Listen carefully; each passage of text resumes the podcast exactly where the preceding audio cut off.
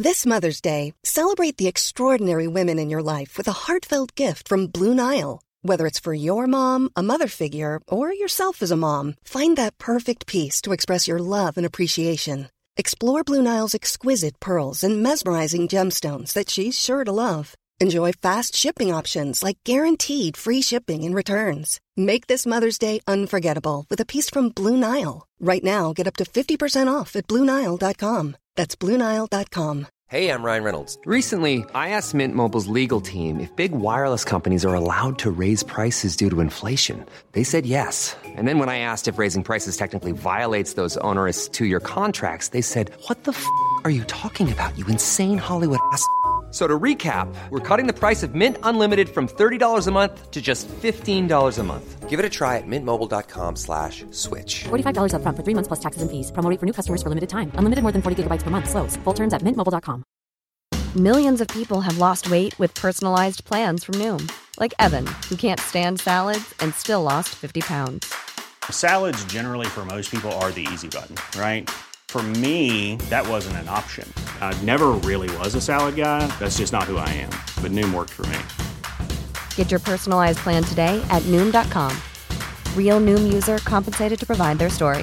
In four weeks, the typical Noom user can expect to lose one to two pounds per week. Individual results may vary. Dette er en podcast fra Liverpool supporterklubb Norge.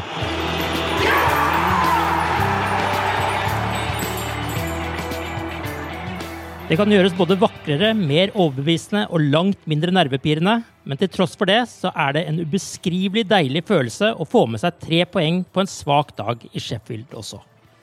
Liverpools seiersmaskin ruller videre og står nå med sju strake seire i Premier League 2019-2020. Arve Vassbotn heter jeg, og i denne episoden av The Cop-Out-podkasten har jeg med meg Tore Hansen og Torbjørn Flatin. Akkurat nå så sitter jeg og Tore med hvert vårt eh, badehåndkle over oss på et hotellrom i Liverpool i et forsøk på å dempe noe av bakgrunnsstøyen her. Så håper jeg at vi klarer å unngå det med disse håndklærne. Mens eh, du, Torbjørn, du sitter eh, trygt på Kongsberg. Likevel, vi starter denne podkasten i Sheffield og på Bramall Lane. Tidlig avspark på bortekampen så ut til å prege både de som sto på Travelling Cop og de som var på banen, for dette var ikke et Liverpool-lag som helt så ut til å ha våknet, Tore. Det tok tid eh, for å pirke inn det målet vi trengte for å vinne, iallfall. Og eh, som du er inne på, eh, pent og vakkert ble det aldri. Det var nok flere årsaker til det. For det første så vil jeg gjerne skryte litt av Sheffield United.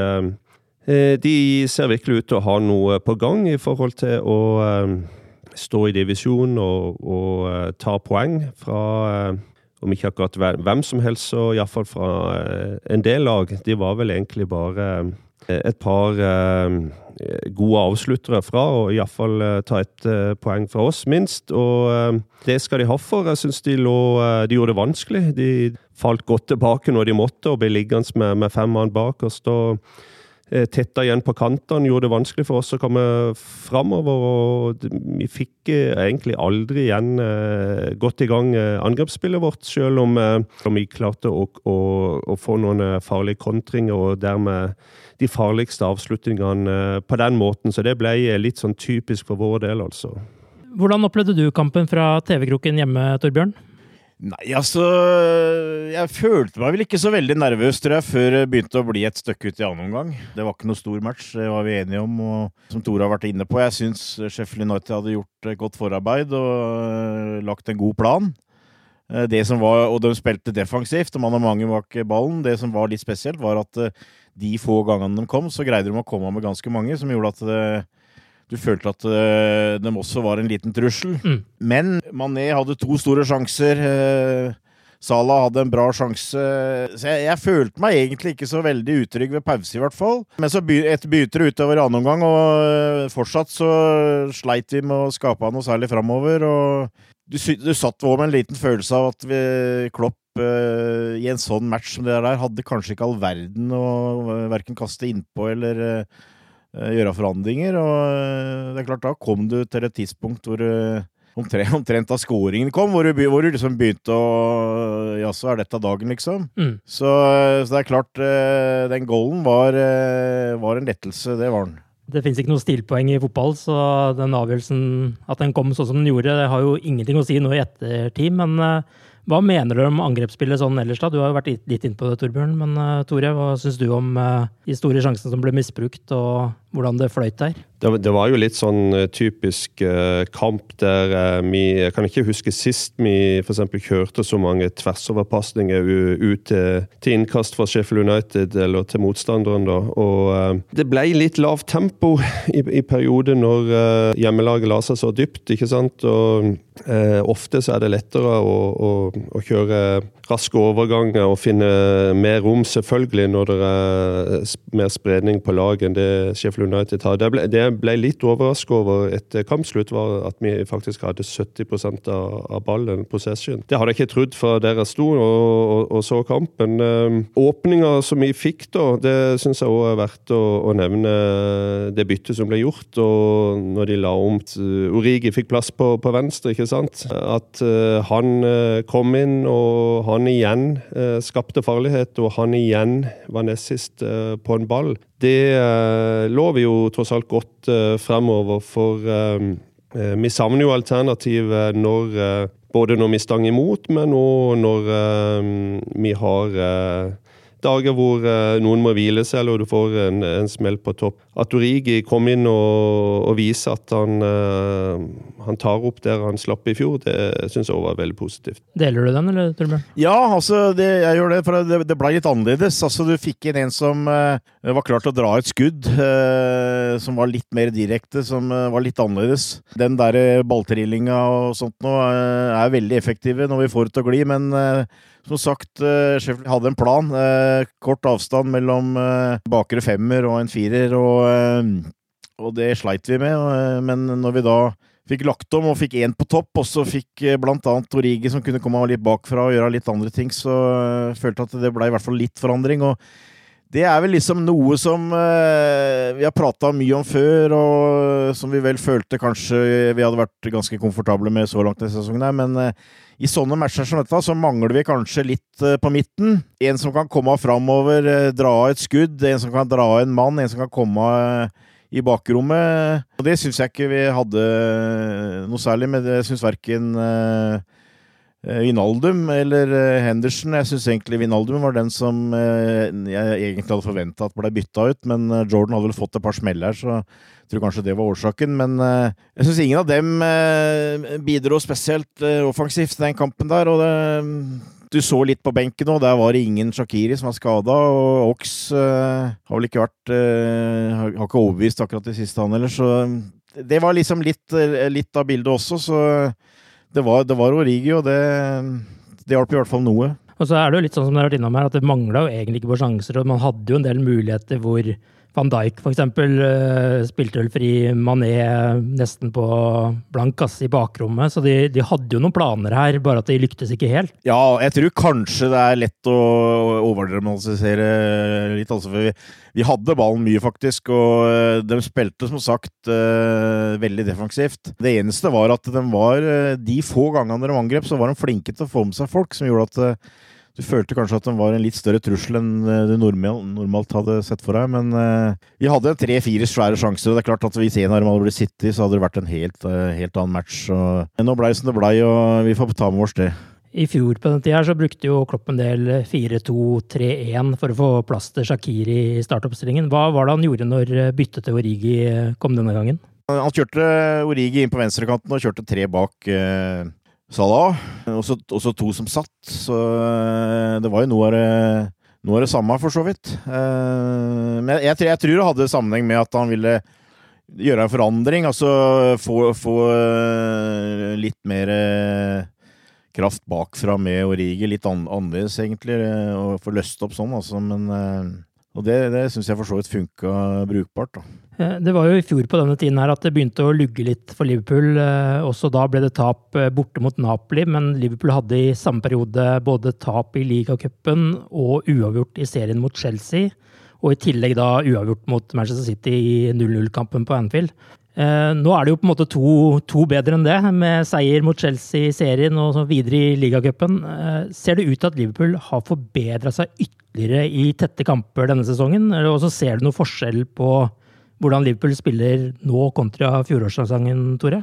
Altså, Laget har utvikla seg både på, på, alle måter. Det, det, er en sterkere enhet. Vi er enda sterkere i hodet. og eh, Jeg syns vi har vært med, mye mer på enn eh, vi var på samme tid i fjor, i forhold til å bare ha den egenskapen vi kan gå ut og, og, gjøre den jobben vi egentlig vil, og vinne kamper. Vi trenger ikke lenger å spille blendende fotball for å vinne kamper, og det er en utrolig trygghet. Og for en tre-fire år siden så måtte vi spille veldig bra fotball nesten for å sikre seg tre poeng. Vi er blitt eh, mentale monstre, som Jørgen Klopp eh, har sagt et par ganger, og det er, det er en, av, en av forskjellene, syns jeg. Har de lært å oppføre seg som et mesterlag, da, for å si det sånn?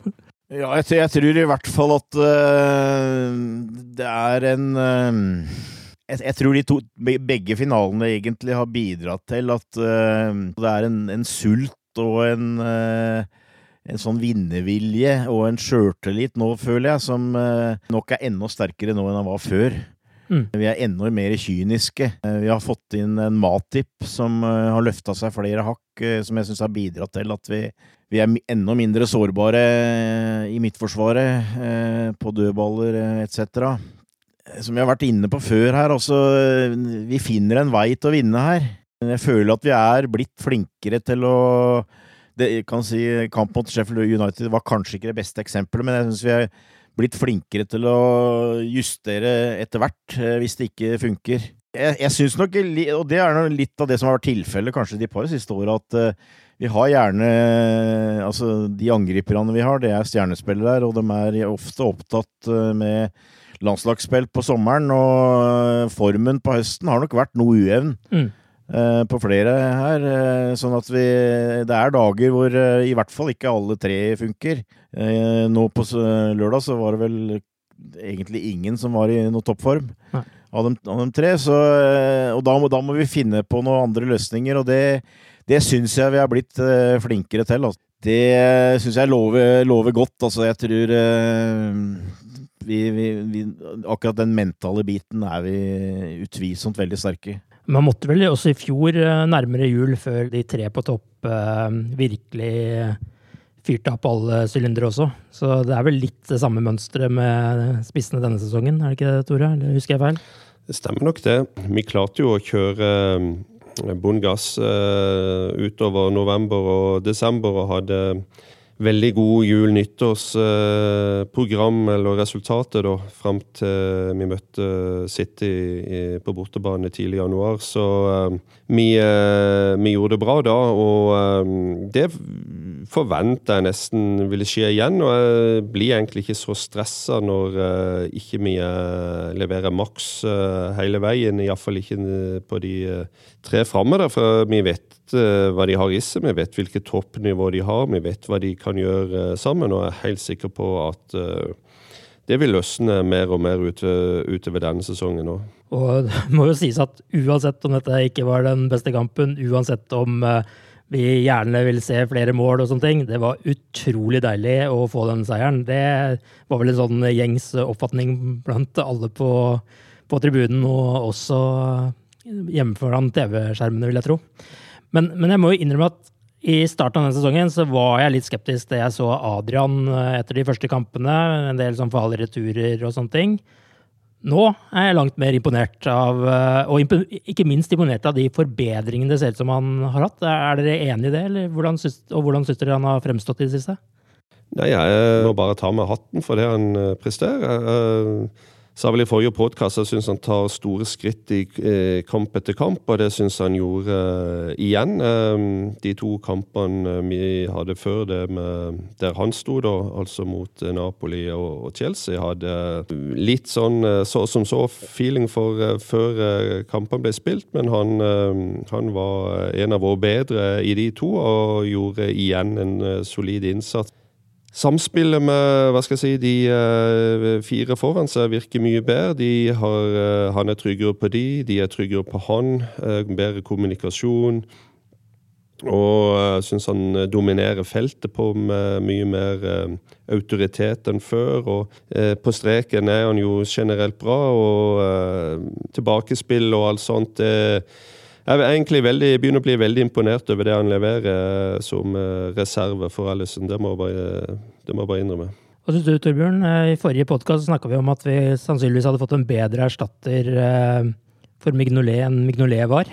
Ja, jeg, jeg kan jo være med på det, sjøl om jeg er litt usikker på om jeg tør helt å slippe meg på den. Men uh, jeg, er, jeg, er, også imponert over det Adrian har fått til, og det som jeg egentlig føler at uh, Jeg syns han er, virker veldig sterk i topplokket. Eh, og, og, han har gått til denne oppgava her. Altså, dette er på en måte Eller dette er helt sikkert en sjanse som han vel egentlig ikke trodde han kom til å få. Mm. Eh, og det har han gripet med begge hender. Mm. Og det, det, er imponerende. Og, og, jeg tror han er en type som Og det, det har jeg for så vidt trodd hele tida, at uh, hvis det blir varmt om øra på han, så, så, så tåler han det. Eh, og det er viktig når du står i mål for Liverpool. Altså. Ja, og Så ser det også ut som han nyter det veldig. Altså, han er, er ja, blid, glad, ja. han jubler mer enn ja. noen andre på banen. Han er liksom Han er en av gutta fra starten her. Han er ikke bare en sånn som har kommet inn som reserve, liksom. Nei, jeg, jeg, tror, jeg, tror, som jeg har sagt, at dette tror jeg var en sjanse som han ikke trodde kom. og, og det er litt sånn der Bruce Grobbelar, holdt jeg på å si. Altså, han er veldig glad for å være der, liksom. Altså, jeg, jeg, ser for meg litt av det samme der. Men jeg, Brus Bruce gjorde noen tabber innimellom, og det tror jeg kanskje Adrian av og til kan komme, komme til å gjøre òg. Ja.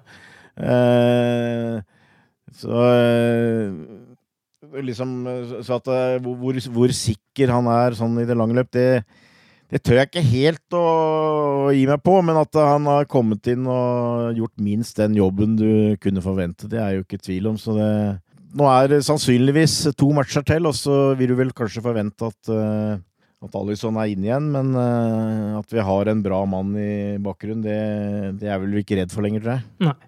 Før vi ser framover nå, så skal vi hoppe litt tilbake til ligacupkampen mot MK Dons. Eh, der vant Liverpool, men så viste det seg at det er en feil med en registrering av eh, Pedro Chirivella som kom inn i den kampen. Og det kan få konsekvenser. Torbjørn, kan ikke du oppdatere oss litt på hva som kan skje her, og hva slags eh, resultat denne feilen kan få? Altså På grunn av at uh, Pedro Chirivella var på utlånt uh, i andre halvdel av forrige sesong, uh, så kreves det at Liverpool må sende inn en ny søknad om såkalt internasjonal klarering.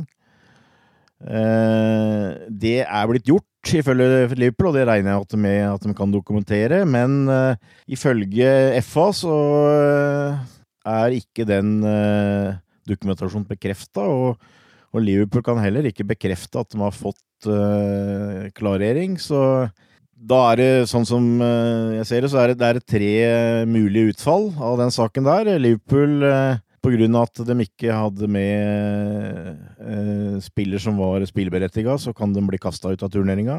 Eh, en mulighet skal visstnok være at de kan spille, skal spille kampen på nytt. Det har skjedd eh, i hvert fall én gang før.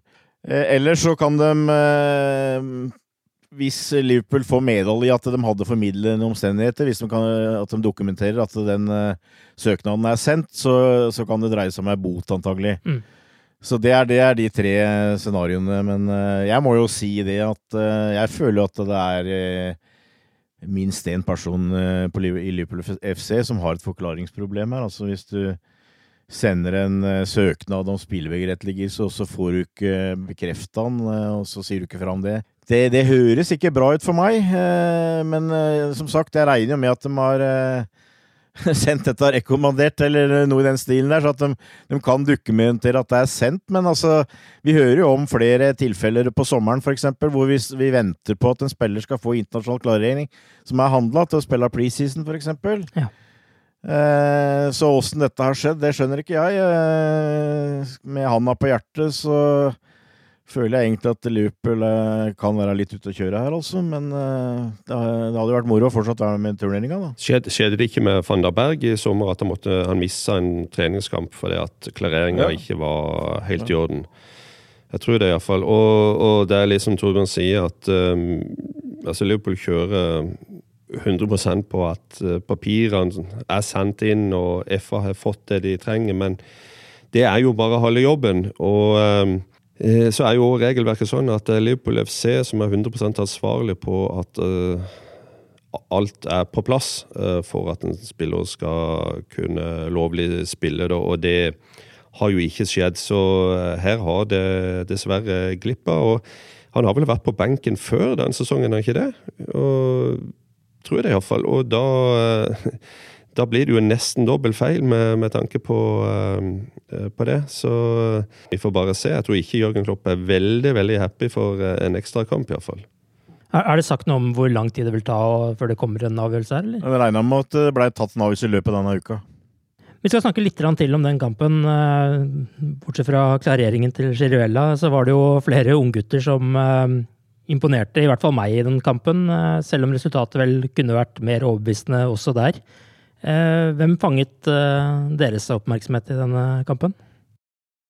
Jeg syns jo de største plussa var eh, Harvey Elliot eh, og Curtis Jones. Han eh, Kahomin eh, Keller, Kelleher eh, i mål var også bra.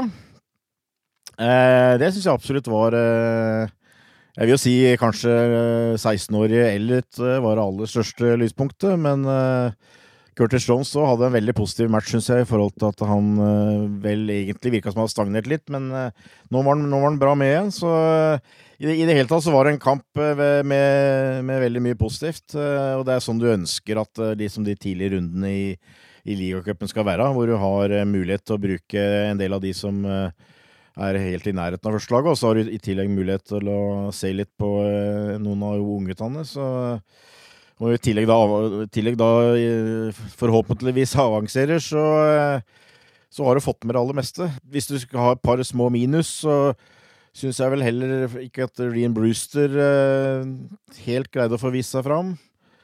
Eh, når vi tenker på ungguttene. Mens eh, Kiana Hover hadde en litt sånn eh, litt varierende kamp, men eh, som skåra et eh, fint mål. Så det, det, jeg tror jeg tror jeg har gitt en del antydninger til Klopp. Eh, nå får du hvis Nå tar jeg hele tida si hvis da, i forhold til neste, neste kamp mot Arsenal, men eh, da har du kanskje Adrian i mål, og du har eh, kanskje Shakiri tilbake. Du har Origi tilgjengelig, forhåpentligvis. Så da blir det kanskje aktuelt istedenfor å bruke fem, så kan du kanskje bruke to eller tre. Uh, og Da føler jeg kanskje at uh, eh, f.eks. Harvey Elliot og Ki Jana Hover, uh, litt pga. posisjon nå, kan være aktuell. Og da, det føler jeg kan, være kanskje enda bedre, hvis du Men det, det, har selvfølgelig med motstand å gjøre, sånt også, men jeg, jeg, tror det var et Det var et veldig positivt signal, og det, det er jo også litt sånn Det var vel han kamerat Pepin Linders her som hadde pressekonferanse, som som antyda det at, eh, at, Liverpool hadde bevisst en relativt liten førstelagsstall, fordi at de ønska å gi unggutter også en mulighet. Ja. Så når vi er inne på rotering og sånt forresten, så kan gjerne rotere litt på de som har pressekonferanser, for det er en av de beste pressekonferansene jeg har sett på, lang, på lang tid med, med herr Linders. Men jeg tror kanskje han så, sa minst like mye som Klopp egentlig ønska han skulle si, for å si det sånn, men ja, ja. den er grei. Men det, det, var, det, var, interessant å høre en del av det han sa der, og, og også om ungguttene. Men uh, du fikk en følelse i hvert fall at vi har en to-tre som ikke er så veldig langt unna å, å kunne bidra, også når det gjelder de såkalte store turneringene i år, og det, det var godt å se. Hvilke spillere beit du deg merke i, Tore? Det er jo de tre-fire Torbjørn har nevnt. Jeg syns òg Curtis Jones imponerte meg. Jeg syns han har fått bedre fysikk. Han, eh, han er mm, spillbar, og han liksom Han får en sjanse, og han tar han. Altså, det var positiv kamp på han. og Elliot så vi jo i sommer at er en uredd 16-åring som har et stort talent. og han mangla vel egentlig bare skåringa, eller så hadde han eh, mer eller mindre en perfekt kamp. Så uh, To i tverrliggeren ja. eller stanga? Ja, ja veldig, veldig, veldig lovende. Eh, ellers så syns jeg jo at eh, det, Og det var gøy å, å se den eh, pressekonferansen. Og det er som bare sånn liten refleksjon. Eh, når Liverpool var virkelig gode på 70- og 80-tallet, så skjedde det mer enn én gang at de fikk eh, henvendelse fra folk som ville komme på, på, trening og se hva denne klubben holdt på med, som eh, vant eh, så mye som de gjorde og var så gode som de var. og Det eh, sa, tror jeg aldri Liverpool sa nei til. Det var ofte det var folk innom og kikka på. og Det var ikke på Paisley den som snakka mest, da, men eh, Liverpool, som Reven sa til meg en gang når vi fikk besøk av utlendinger eller trenere fra andre lag, eller i butrommet etter kampen, så satt vi aldri og, og prata om hva vi gjorde. Vi spurte alltid hva gjør dere? Altså, De var hele tida på jakt etter å utvikle seg, finne på nye ting, snappe opp nye ideer.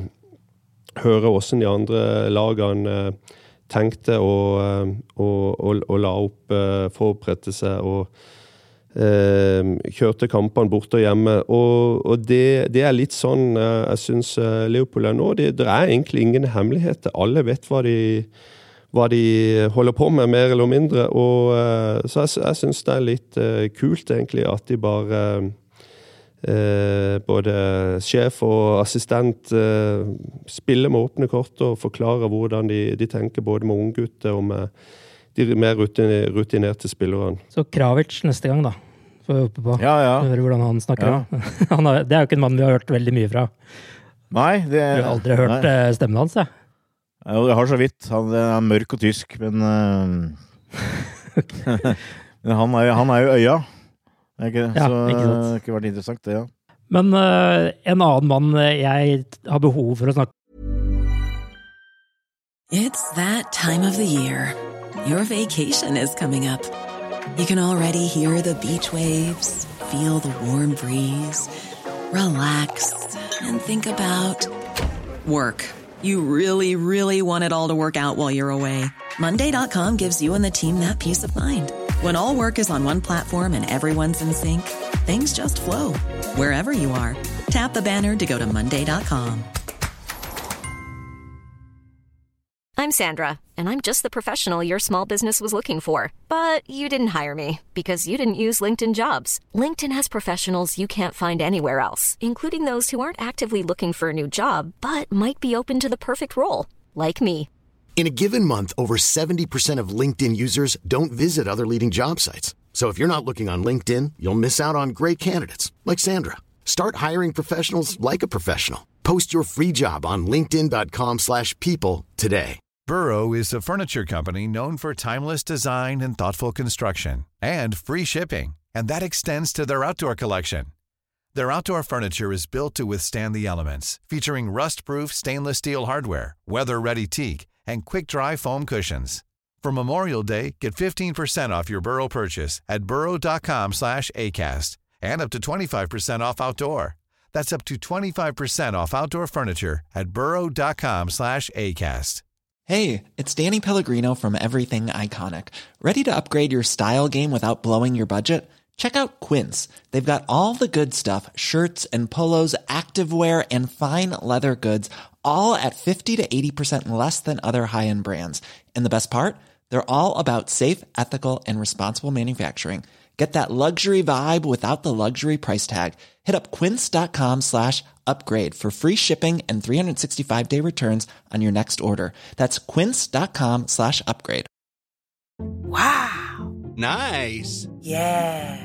What you're hearing are the sounds of people everywhere putting on Bombas socks, underwear, and t-shirts made from absurdly soft materials that feel like plush clouds.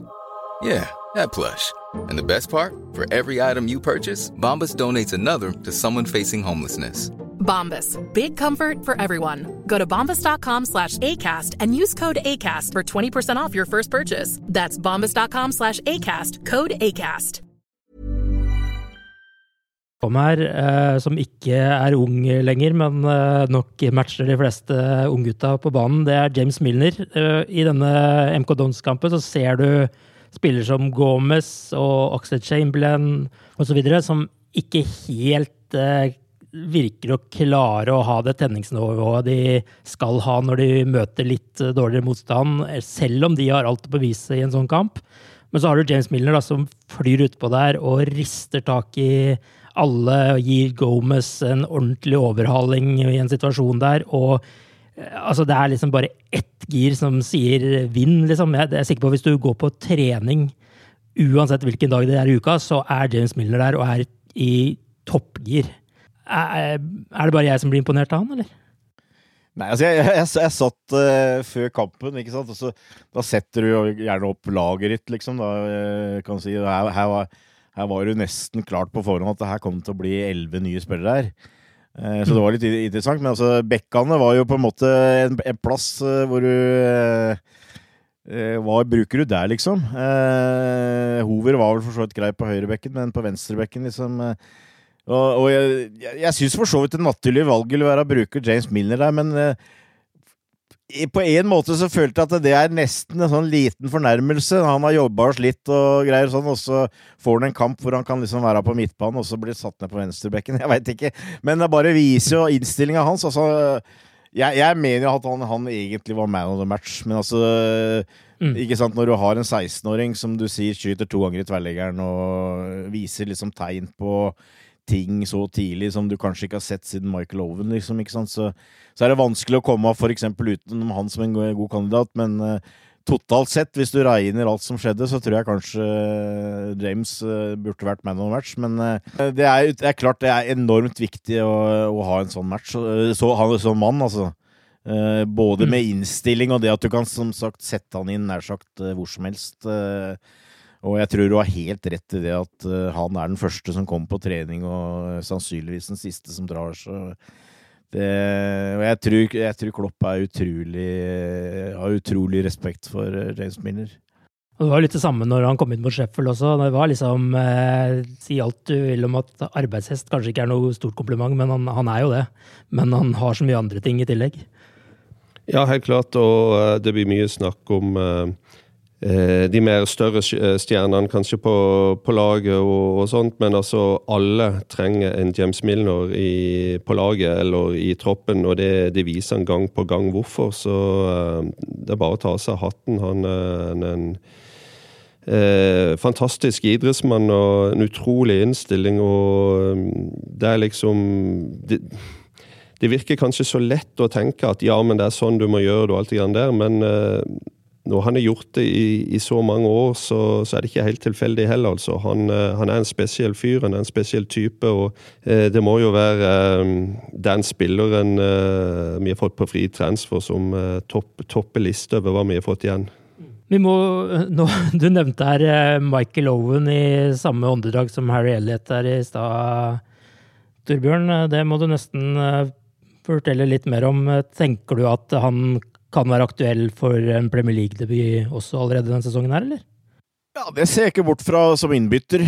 Eh, også hvis det skjer. Eh, så hvem veit, liksom. Eh, men eh, igjen, altså, hvis vi går tilbake til den pressekonferansen med Peppi Linders, så eh, innrømte jo han i gåseøynene at de hadde blitt imponert fra første trening på den måten. altså ikke sant, Den treningsøktene som de kjørte på Melwood, ifølge Linders, de er jo, er jo på en måte eh, det skal, det skal, faktisk litt til å liksom på en måte greie å, eh, å gjøre seg bemerka hvis du kommer utenfra, men han hadde tatt det med en gang og uten respekt. Sett situasjoner, vært på samme nivå når det gjaldt liksom spillemønster og oppfattelse av spillet. Så det Det er ikke tilfeldig det at han eh, nærmest umiddelbart eh, blei med i førstelagstroppen og blei med på preseason og uh, har vel ikke vært i nærheten av akademi i det hele tatt. Så det er selvfølgelig veldig farlig, føler du kanskje, å, ta litt for store ord i munnen, men jeg ser det er flere som har nevnt det, at vi sannsynligvis ikke har hatt noe Raheem Sterling er vel kanskje der. Eh, utenover det har vi hatt noe liksom bedre 16-åring. Det, det, tviler jeg på, altså. Eh, og jeg, eh, jeg vil ikke ha imot at han eh, blir satt på benken i en, eh, en og annen kamp i Premier League. Og, og, jeg tror heller ikke Klopp er redd for å, å sette han inn på en av flankene heller. Så det må jo bli høyrekanten, regner jeg med. Så det, det er utvilsomt eh, en veldig spennende spiller. Altså det, hvem veit? Kanskje det kan påvirke hva Liverpool gjør på transfermarkedet de neste par vinduene. At de føler kanskje at her har vi en mann som vi må prøve å ikke stenge for, altså. Det, du sitter med en sånn liten følelse. Men, men, det er tidlig, selvfølgelig. Altså, vi lar oss ikke gå helt uh, gjennom lydmuren her, men uh, det er en av de mer spennende spillene jeg føler at vi har, har fått de siste åra. Definitivt. Han, uh, han har den litt sånn, litt sånn uh, tøffe attitude, syns jeg. Litt sånn uh, Altså, han er enormt tro på seg sjøl, og, og det, det, må du ha skal du lykkes på det nivået. Og å være så ung og, og stå fram på den måten, det er nesten vel så imponerende som det, det tekniske og det andre han leverer, altså. Det så eksempel det at han, han burde ha scora på den første han dro i tverrleggeren. Men uh, det var ikke noe som tyder på at han begynte å henge med huet for det. Han bare fortsatte å spille, og det, det jo gir en antydning til at uh, han er uh, ikke minst en sånn type som er, er, moden oppi huet òg. Ja, og samtidig litt sånn respektløs ja. i stilen, syns ja. jeg. Ja, korrekt. Det er et bedre ord, egentlig. Liverpool har jo nå fortsatt to kamper igjen til ny landslagspause. Onsdag så er det Salzburg som er motstander på Anfield, før det blir gjensyn med Brendan Rogers på lørdag. Eh, vi skal nå høre et eh, intervju som Tore har gjort med journalist Martin Schauber, eller hvordan man nå uttaler det. Jeg vet ikke om du har lyst til å tørre å ta den etter med, Tore. Men eh, han snakker iallfall om Salzburg. Det er vi iallfall enige om. Martin, how do you think uh, Salzburg will approach uh, the game against Liverpool? And Salzburg doesn't really like to change their game plan too much, so they'll stick to what they usually do, which is sort of like Liverpool, just a little worse. But yeah, it's essentially the, their model, their strategy is pretty much the same as Liverpool's. They are very attacking minded. Very attacking, yeah. Like they live off their high press, and if somebody can bypass that, they're in trouble and I, I, would get, I would say that's maybe the biggest difference to Liverpool, just how their defense is not as stable. But yeah, I would be surprised if they changed the strategy a lot. Uh, but Salzburg have done very well in uh, in the league back home, and they had a good start against Genk. Um, how big is that club in Austria? Well, it's far from being the most popular, but it's just been they've like they're the champions every year. It's just a rule by now, and it, it's not even close. Nobody can really challenge them. Which is also like part of the reason for that is that the big Viennese clubs are just having horrible management right now. But it's also that they've just been doing such great work at Salzburg. Whenever a big player leaves, which happens every summer, and more than one guy, they just have the next guy lined up from the youth team, and they just have brilliant scouting. A few weeks ago, uh, Salzburg played the second best team, and a, and a lot of uh, players were rested. They, they got a draw, even though it was really Salzburg's second best team, if even that, playing. So they're capable of resting uh, a lot of players before the Champions League games. Yes, and they did the same thing last weekend, and they still comfortably won against a bad team, to be fair, but still, yeah, they always do this, like, because they can. Braut Haaland is he a big star now in, yes. in Austria? Yes, there is a huge hype around him just because it looks like he's playing against kids, really. And these are defenders that do a pretty reasonable job usually, but when he just runs over them, there is a feeling that un unless he leaves in winter, obviously, he could break the scoring record for a league. Mm-hmm. And that's been like that's been standing for a long time. Back home, the papers are all over him. Did they talk about and write about him every day? Like, or is it how, how does it work? How, how big is it? How, is it possible to, to paint a picture for us? It's not really an everyday thing because it can't be an everyday thing with Salzburg. Yeah. But he is the story in the league right now. Mm. And he's definitely the story when it comes to Salzburg. Just because he's Salzburg has always been really good, but there's not been a player that's been this dominant, even though they've had amazing strikers over the years. But it's just, it looks different with him, and he has the numbers. What do you reckon on Wednesday? What, what is your prediction for a score? I do feel like Liverpool is going to score a lot. Uh, I would guess like 4 2 maybe. 4 2, okay. Yeah. I will take that. Thank you. Eh, hvordan bør Klopp disponere mannskapet nå foran eh, disse to kampene som kommer? Ja, Nå har vi jo eh, det utgangspunktet at vi røyk 2-0 bort i Napoli. og Eh, hjemmekampene i gruppespillet bør en jo vinne, da. Alle, eller begge de to, hva skal jeg si Andre lagene kommer antagelig til å ta en del poeng mot Genk, så eh, hjemmekampen eh, mot Salzburg, den, den, bør vi vinne. De er jo veldig bra i, i Salzburg. altså De har jo en veldig bra eh, stat på, på, hjemmebane der, så det tror jeg blir eh, to hakk verre. Så skal vi komme i gang her uten å uh, må begynne å tenke altfor mye på, på gruppespillet foreløpig, så, uh, så må vi jo satse litt og prøve å få de poengene vi, vi trenger i Så jeg tror jo at han vil kjøre mer eller mindre toppa lag egentlig i eh, begge de kampene. Så Leicester har kommet veldig godt i gang. og eh, eh, Vi har en pause etter de to kampene, eh, sånn at eh, når vi får fullført eh, det løpet der, så, så, så kommer en liksom inn i, i enda en ny fase av sesongen, for å si det sånn. så jeg føler det er viktig å, å gå ut eh, de to kampene med, med, med hodet heva og eh, full pott, altså.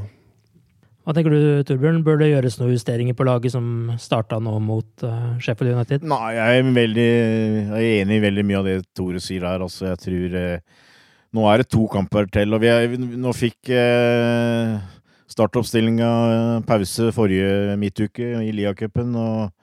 vi får tåle de tre kampene her. Eh, kanskje bli én eller to. Eh, bytte kanskje ut en av indreløperne. Kanskje gi en av bekkene hvile i en, Eller ikke hvile, men se, kanskje i en av kampene og, og la Milner spille der. Selv om jeg, jeg tror vel egentlig ikke det heller. Så nei, kjør ut. Altså nå uh, det er, blir jo gjerne sånne perioder nå pga. disse internasjonale oppholdene. og Vi kommer til en knallhard periode etter neste opphold, men da har vi Eh, Alison eh, sannsynligvis klar. Vi har eh, høyst sannsynligvis Keita klar. Eh, kanskje Shakiri. Så eh, da har vi mer å spille på med en gang der, så at eh, Jeg ser ingen stor grunn til å begynne å av noe hviling nå. Altså det, vi må vinne hjemme mot Salzburg, og hvem veit? Altså det, det, kan bli en tøff match, for så vidt, men jeg sitter vel med en følelse at uh, spiller vi opp mot uh, normal standard, så skal vi vinne ganske greit der. Og så får vi heller kanskje la et par spillere her eh, sitte de siste 20 minutta eller noe sånt nå, men eh, vi må jo i hvert fall toppe laget mot Leicester. Det er jo det er ingen tvil om, i hvert fall. Så det er ikke noe grunn til å liksom ta, ta noe mindre på gassen nå. Det virker jo som Sarpsborg er litt spesielt lag. Da. Det måten de spiller på, er på mange måter litt sånn som vi hørte på intervjuet, litt sånn som vi spiller, spiller sjøl. Altså, vi er veldig veldig bra framover, men så er de litt sånn som vi kanskje var for to-tre år siden, at de slipper inn en del mål, iallfall mot uh, gode motstandere. Så sånn sett så uh, bør, er det en ganske kamp som kan passe oss bra, hvis vi får eh, mye mer rom å spille på enn gjorde mot eh, Sheffield United og kan utnytte raske overganger og spille mye mer sånn som vi, som vi liker å, å, å, spille fotball, altså. Så um, litt, litt, spennende å se. Um, Salzburg har jo en enorm statistikk denne sesongen, egentlig. De, de vinner jo 6-1, 4-0, 5-0. og de, de skårer mye mål, altså, så eh, det kan bli en eh, målrik og underholdende kamp hvis begge lagene er tent og, og fyrer på, på alle plugger. Det er jo nå ganske nøyaktig fire år siden Brennan Rogers fikk sparken fra Liverpool og ble raskt erstattet av Jørgen Klopp, som vel også flytta rett inn i huset hans og leier det fortsatt. Eh, det er jo en del gode poenger rundt akkurat det, men eh, nå, eh, så mange år etterpå, hva er på en måte hans legacy, eller hva er norske ord her? Uh, nei, arven hans uh, blir nok ikke all verden. Uh, blir ikke all verden, men jeg, jeg syns han gjorde en ålreit jobb, og det, det, er en bra manager. Det var bare på feil tidspunkt. Han var ikke klar for en sånn jobb. Og, og det, det, det, skal noe spesielt til for å være manager i en, i en av de topp seks-klubbene. han var nok ikke klar da, og om han er klar nå, det, er jeg vel usikker på, for så vidt. Men det er, er en bra, bra, manager. Men jeg tror nok ettermælet blir at eh, han var et nummer for liten. Og så er det også føler jeg, noen som eh, helt eh, Helt riktig eh, gir en kreditt for den sesongen hvor vi skåra over 100 mål og, var snublende nær å, vinne ligaen. Eh, så kan du si at da hadde vi et par eh, spillere som dro veldig mye av lasset, men eh, det var han som rettleia dem, så du kan ikke bruke det mot han, syns jeg. Jeg, jeg. jeg, sitter med en sånn følelse at uh, Som sagt, han var ikke helt det vi var ute etter, men samtidig så tror jeg kanskje han uh, også er en bedre manager enn en del uh, synes å, å mene, sånn som jeg ser det. Uh, Og det syns jeg du kanskje ser antydning til nå i Leicester, hvor han har fått en bra start og, og, og viser at, han, at, det er noe ved ham, altså. Arv og ettermæle, sa Torbjørn her når han uh, fant de orda jeg skulle finne, Tore. Hva tenker du om uh, ettermælet hans i Liverpool? Han, jeg syns ikke han gjorde skam på seg.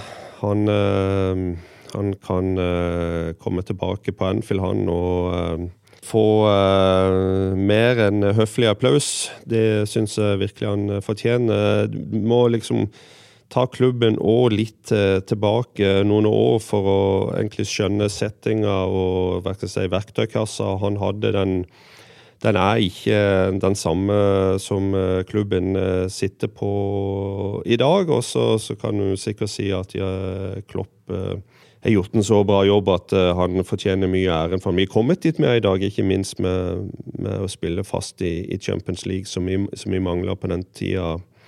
Brandon var der, sjøl vi ha det en sesong der. Så ja, han ble et hakk uh, for liten i forhold til den jobben uh, som skulle gjøres, og det var vel òg en issue med han og den såkalte transferkomiteen som viste seg at uh, kvaliteten på det som kom inn, diskusjonene de hadde, måten de jobba sammen på, ikke var ideell. Og hvis ikke de tingene der sitter, hvis ikke de som uh, sitter og skal kjøpe og handle spillere, kan uh, på en måte være enige og jobbe perfekt sammen for å få de spillerne vi ønsker seg, så så viser det seg at over en to-tre transfervindu så, så blir det eh, ikke bra nok. Og kvaliteten på signeringene syns jeg var en del av det som, som ødela for eh, Brandon Rogers. Blei han en slags sånn testpilot eh, for dette moneyball-prinsippet også, Torbjørn?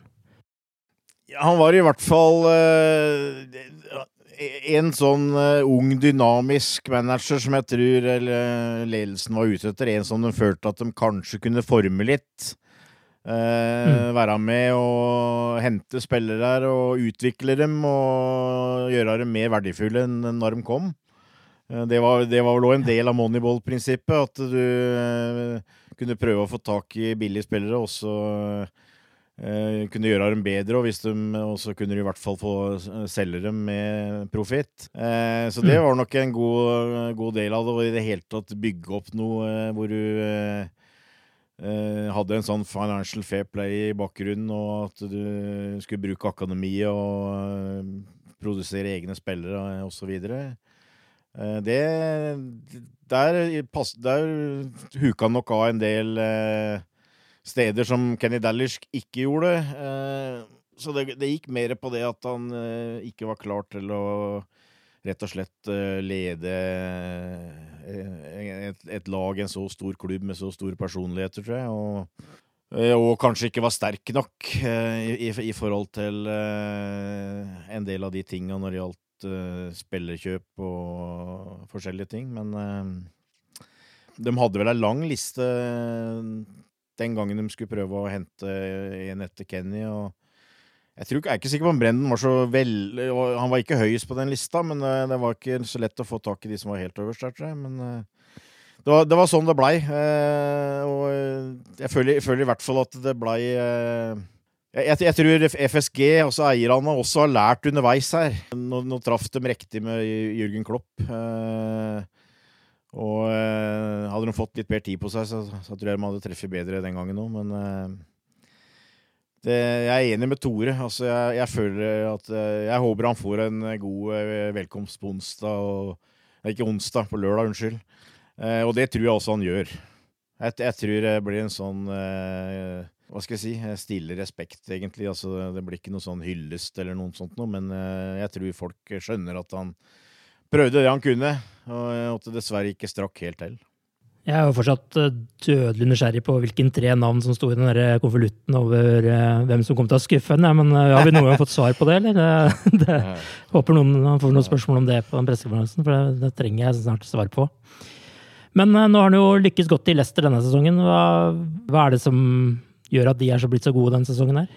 Jeg tror, jeg tror kanskje det er et par, uh, par faktorer. Uh, det ene er at jeg tror kanskje dette er en sesong hvor det er større sjanse for de som er antatt å være utafor topp seks, til å komme inn blant topp seks, til og med topp fire. Eh, det er, det er to-tre mm. klubber der som eh, sliter litt. Eh, det er det ene.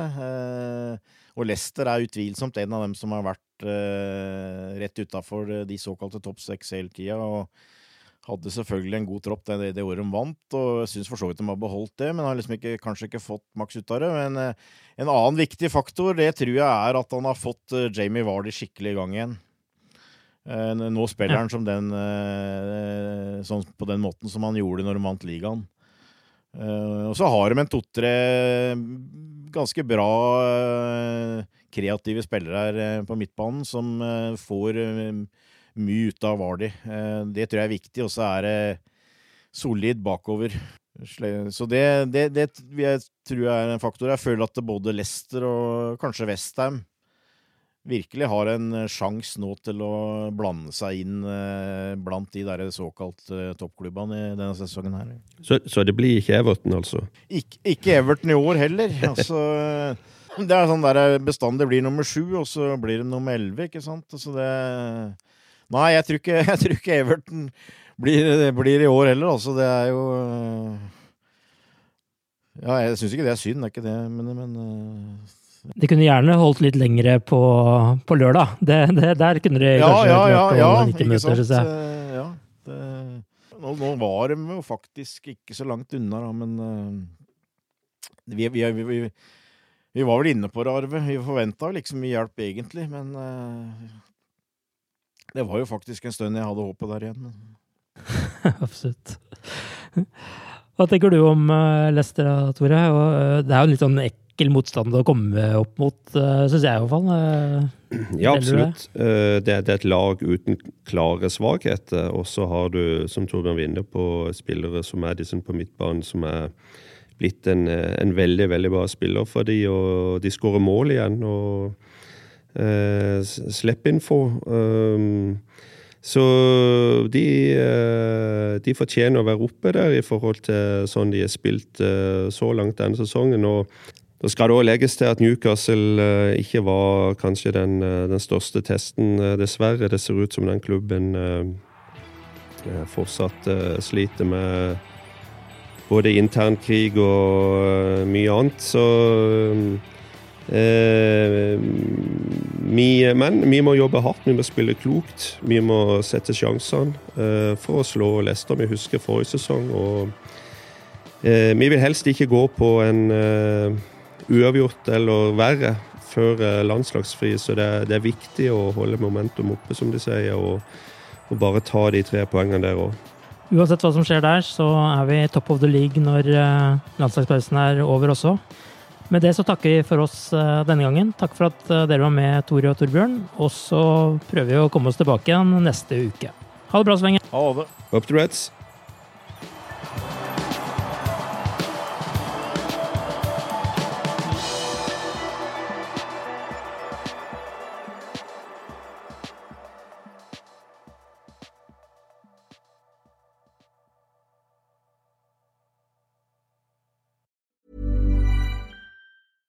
Cool fact a crocodile can't stick out its tongue. Also, you can get health insurance for a month or just under a year in some states. United Healthcare short term insurance plans, underwritten by Golden Rule Insurance Company, offer flexible, budget friendly coverage for you. Learn more at uh1.com.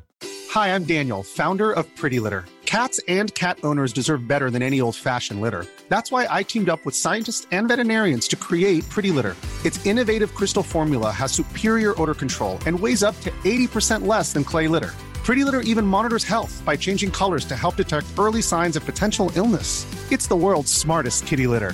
Go to prettylitter.com and use code ACAST for 20% off your first order and a free cat toy. Terms and conditions apply. See site for details. Planning for your next trip? Elevate your travel style with Quince. Quince has all the jet setting essentials you'll want for your next getaway, like European linen, premium luggage options, buttery soft Italian leather bags, and so much more. And is all priced at 50 to 80% less than similar brands. Plus, Quince only works with factories that use safe and ethical manufacturing practices. Pack your bags with high-quality essentials you'll be wearing for vacations to come with Quince. Go to quince.com slash pack for free shipping and 365-day returns.